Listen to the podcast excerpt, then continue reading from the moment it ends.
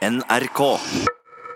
Etter eh, drapet på eh, Al-Noor-moskeen eh, Etter angrepet og drapet. Angrepet på Al-Noor-moskeen i Bærum på lørdag og drapet på ei 17 år gammel jente, så har flere medier brukt bilder som den draps- og terrorsiktede selv har tatt og delt. Det samme skjedde etter terroren 22.07 i Norge og etter Christchurch-massakren i New Zealand. Og når terrorister selv ønsker medieoppmerksomhet, betyr det at mediene løper terroristenes ærend? Det det spør vi. Anne Gjelsvik, professor i film- og medievitenskap ved NTNU. Til Fagbladet Journalisten så sier du at mediene inngår som en del av terrorhendelsen. Kan du utdype det? Ja, det kan jeg gjøre. Um, utgangspunktet for det prosjektet som jeg jobber med, altså et forskningsprosjekt hvor vi ser på forholdet mellom terrorisme og mediene, som vi har kalt terrorens ansikt, så er vårt utgangspunkt at mediene er svært viktige for hvordan vi forstår og hvordan vi forholder oss til terrorisme. Eh, og En måte å beskrive terrorisme på, er å si at terrorisme er propaganda gjennom vold. Altså at handlingene som gjennomføres, gjøres for å få publisitet. Enten for en ideologisk sak, eller kanskje som vi ofte ser nå, en kombinasjon av en sak og egen oppmerksomhet om egen person. Sånn at terroristene i dag anvender enten direkte eller indirekte gjennom andre medier, eh, altså bruker mediene for å iscenesette en, en trussel. Sammen med kollegaer så har du studert bildebruken etter både massedrapet i moskeen i Christchurch i New Zealand og etter 22.07. Kan du si, hva var det dere fant? Altså Det vi ser eh, når vi ser på disse sakene, og egentlig kan vi gå langt tilbake, vi kan gå tilbake til 70-tallet, så ser vi at, eh, at, terroristene som gjennomfører slike aksjoner, som eh, i Oslo og på Utøya og i New Zealand, så har vi med å gjøre terrorister som er veldig mediebevisste. Altså De har en veldig sterk mediebevissthet hos terroristene, som gjør at de ikke bare vil ha oppmerksomhet, men at de også er veldig oppmerksom eller selv ønsker kontroll om hva slags oppmerksomhet eller hva slags framstilling de selv skal få i mediene.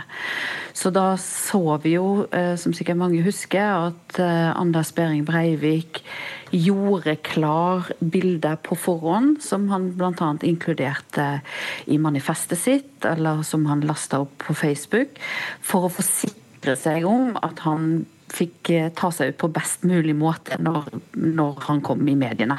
Eh, og hvor han også poengterer det i manifestet, at det er viktig som en del av aksjonen å gjøre klar materiale, sånn at man kan look your best, som han skrev der. Eh, I New Zealand så ble jo angrepet gjennomført eh, med video, med GoPro eh, underveis, som terroristen lasta opp både på Facebook og 4chan mens det fant sted. Og I begge disse tilfellene ser vi at det materialet, som vi kan la oss kalle det pressematerialet, som terroristene har gjort klart, det finner sin vei inn i tradisjonelle medier. Sånn at den norske pressen brukte de bildene som, som terroristene ville at de skulle bruke i etterkant av begge disse aksjonene. Men ser du likhetstrekk etter drapet nå og angrepet på Al-Noor-moskeen? Ja, eh, de to andre eksemplene er jo mer ekstreme. Eh, I forhold til eh, hvor kalkulert bildebruk utøverne eller aktørene hadde. Da. Men vi ser igjen at, at vi får en massiv bildedekning av gjerningsmann. Og vi ser igjen at avisene da går f.eks. til sosiale medier og finner bilder som, som, han har delt på forhånd selv. Sånn at han også her kan bidra til å få, fram, få framstilt seg selv sånn som han ønsker. Tone Tveøy Strøm Gundersen, nyhetsredaktør i Aftenposten. Dere brukte på et tidlig tidspunkt eh, bilder som siktede selv hadde spredd på sosiale medier. Du sitter her og nikker til det du hører. Hvorfor valgte dere å gjøre det dere gjorde? Ja, vi, I utgangspunktet så har vi jo en streng fotopolicy i Aftenposten som handler om at vi må vurdere hva bildene forteller og hvilken verdi de har for leserne. Så har vi også en policy om at vi skal være særlig varsomme med bilder fra eksterne aktører. Og selv om vi ikke har spesifisert da at det eh, gjelder eventuelle siktede kriminelle, så tenker jeg jo at det inngår som en del av det å være varsom og som gjør at vi må gjøre en ekstra vurdering rundt bildebruken. Men i dette tilfellet så, så vurderte vi at uh, fra vi bestemte oss for å identifisere han med navn og bilde, da siktelsen ble utvidet til å gjelde også terror, så eksisterte det noen bilder av han eh, på et nettsted som han åpenbart har lastet opp selv. Eh, barndomsbilder og bilder som er tatt gjennom en lengre periode. Og Da vurderte vi nøye hvilke av de bildene vi skulle bruke. Eh, vi prøvde å velge de bildene som er minst poserende og mest mulig nøytrale. Men jeg er jo enig i utgangspunktet at vi foretrekker å bruke egne bilder eh, og velge bilder vi selv har kontroll på. Men i det tilfellet så vurderte vi at verdien av bildet eh, er så stor at vi allikevel valgte å bruke noen bilder som Men ser du, ser du poenget med at media blir en del av terrorhendelsen? Jeg ser poenget med at, uh, at, det er grunn til å være kritisk til den bildebruken, og at det er en stor fordel om vi kan ha egne bilder. Men det handler om å balansere det hensynet opp mot den informasjonsverdien et bilde har. Og Bildene av ham har informasjonsverdi fordi at de viser hvordan han er, de viser hva slags type person han er, uh, og de, de bidrar til å opplyse saken på samme måte som tekst gjør. Anne Gjelsvik, hvordan kan mediene unngå å vise fram det materialet som finnes, når ønsket er å ja, komme raskt ut med informasjon? Mm. Jeg, jeg, jeg, ser helt klart at dette er et, eh, er et, dilemma for eh, pressen, som skal gjøre løpende vurderinger, hvor det er, er avveininger mellom på en måte informasjonen til offentligheten og denne oppmerksomhetssøken som jeg mener at eh, er en del av terrorismen. Jeg tenker at det er vanskelig å se for seg at man skulle ha et helt billedforbud. Jeg, synes, jeg vil ikke gjøre meg til talskvinne for det heller.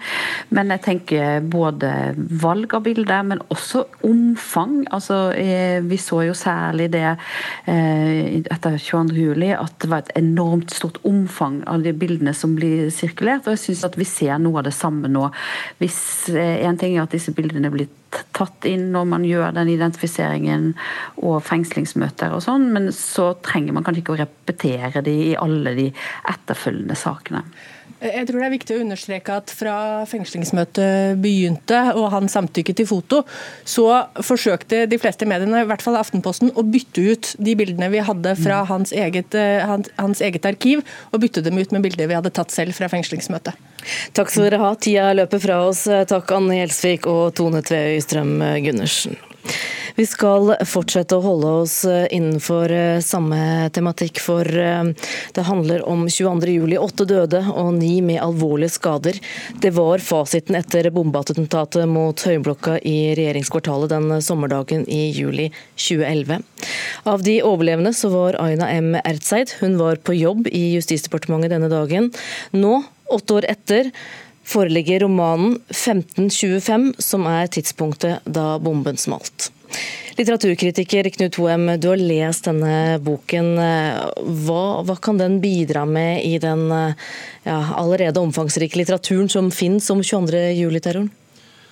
Jo, Den gir et helt uh, unikt innblikk i uh, hverdagen til uh, byråkrater som var i høyblokken den dagen. Aina M. Ertseid hun var en av de. Hun var, er jurist og jobbet i Justisdepartementet. Og I romanen så møter vi Agnes, som helt tidlig i boken hører et dypt drønn, som hun sier. Og Da er klokken blitt 15.25 eh, den 22. juli. Bomben smeller, og hun begynner jo som alle andre å løpe nedover trappene nedover i etasjene og kommer seg ut. Eh, det er det jo eh, flere av kollegene hennes som ikke gjør. Og Så begynner fortellingen, som handler om hvordan hun og alle de andre i dette departementet håndterer det sjokket og det traumet som dette jo blir for alle sammen. Men hva med eh, tiden etter terrorangrepet? Hvordan takler hovedpersonen eh, den tiden? Hun er dypt eh, traumatisert. Vi får vite en del om hennes barndom og oppvekst, og vi skjønner at hun ikke var så veldig godt rustet til dette. Hun lever alene. Eh, og har hatt jobben i Høyblokken som en veldig stor del av livsmeningen. Hun har overnattet der om natten, hentet en seng fra tolvte etasje som hun har dratt ned på kontoret og sovet der, selv om hun egentlig ikke fikk lov. Eh, så det, når hun mister den jobben når Høyblokken forsvinner, så forsvinner også veldig mye av, av det som er hennes eh, identitet og selvforståelse. Men dette handler jo ikke bare om henne, det handler jo om hvordan vi som land var rustet til å håndtere dette. Vi får uh, følge veldig tett hvilket hjelpeapparat som blir satt inn for disse byråkratene. Vi følger de i flytteprosessen inn i midlertidige lokaler i Politihøgskolen, videre til Nydalen. Alt dette er jo uh, faktiske hendelser, men selve historien om henne, det er jo diktning. Men Hvilket bilde gir Ertseid om, om, hvordan hennes departement, som da var Justisdepartementet, hvordan eh, departementet håndterte tiden etter 22.07? Både byråkratiet og politikere fremstår som lamslåtte, og vi ser hvordan sjokket sitter i alle ledd. Hver eneste avdelingsleder er preget av dette. Jeg vil ikke si at det er en direkte kritikk rettet mot noen her. Det er mer en slags forståelse, forståelse forståelig lammelse i et byråkrati som ikke, rigget, ikke var rigget for denne type uh, helt uvanlige hendelser. Det som blir et hovedproblem, og som vi kan lære av, det er at ingen helt makter å snakke ordentlig om det som har hendt. Det kommer folk tilbake på jobb fra sommerferien som ikke var der. Uh, den som de som eh, eh, da er døde eh, i hennes departement. Hvordan blir de omtalt på de første allmøtene etterpå? Hvordan skal man snakke sammen på hagefestene, på festene som kommer utover? Det er det som blir stilt åpent, og som er vondt å lese om. Men Elseth har altså valgt å fortelle historien i romanform. Hvordan syns du det fungerer? Det er en stor styrke at hun har gjort det på den måten, fordi romanformen, nettopp romanformen er en slags betroelse og en slags åpning for empati. Leseren får delta i hvordan hun har det og tenker, og det er jo det som mangler hele veien her. At det er som få som klarer å nå inn til henne og snakke med henne om det som har skjedd. Takk skal du ha, Knut eh, Hoem. Så skal det handle om en ny TV-serie. En fremvandrerkvinne har drevet i land. Rettsteknikerne virker overbevist om at dødsårsaken er kvelning.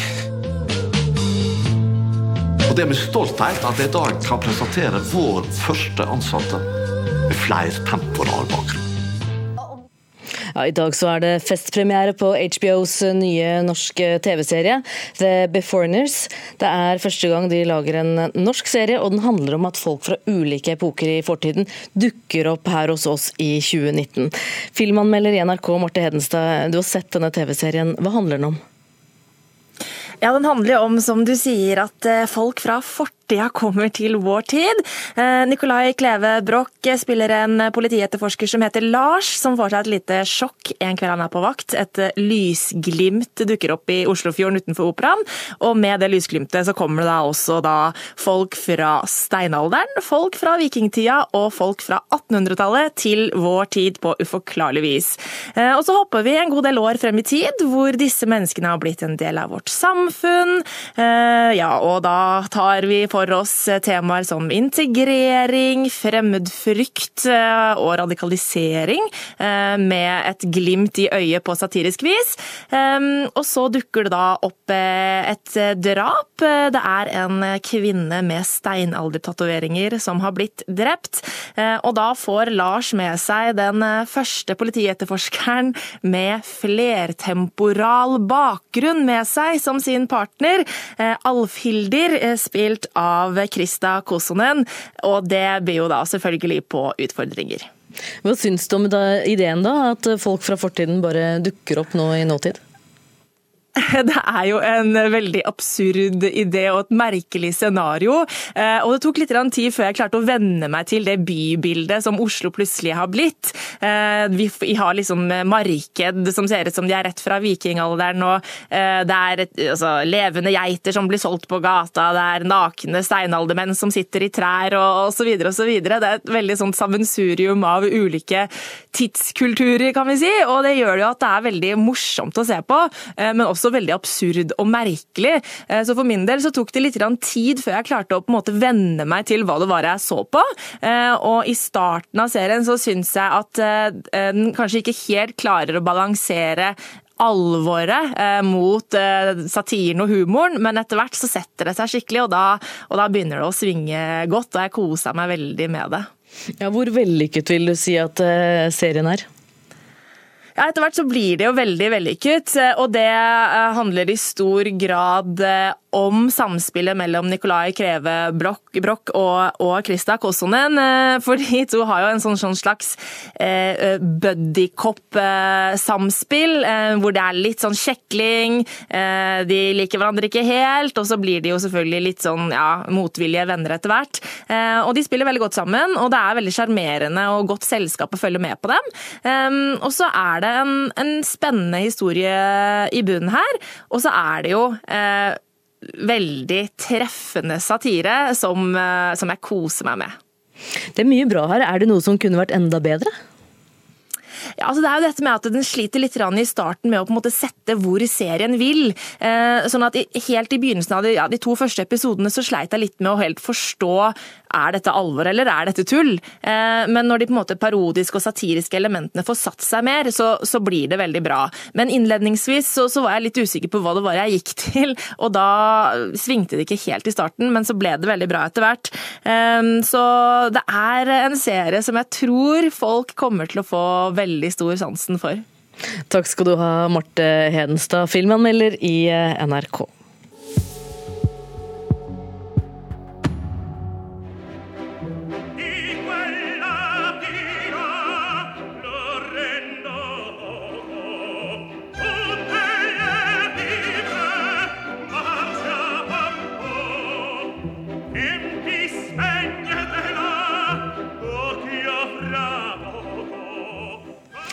Ja, Det du hører her, det er Di Quella Pira fra Il Travatore, med bl.a.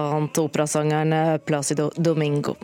Nå har to arrangører avlyst konserter med operastjernen, etter påstander om at han i årevis skal ha utnyttet eh, stillingen sin og trakassert kvinner. Kulturreporter Petter Pettersen, eh, hva kan du fortelle om dette?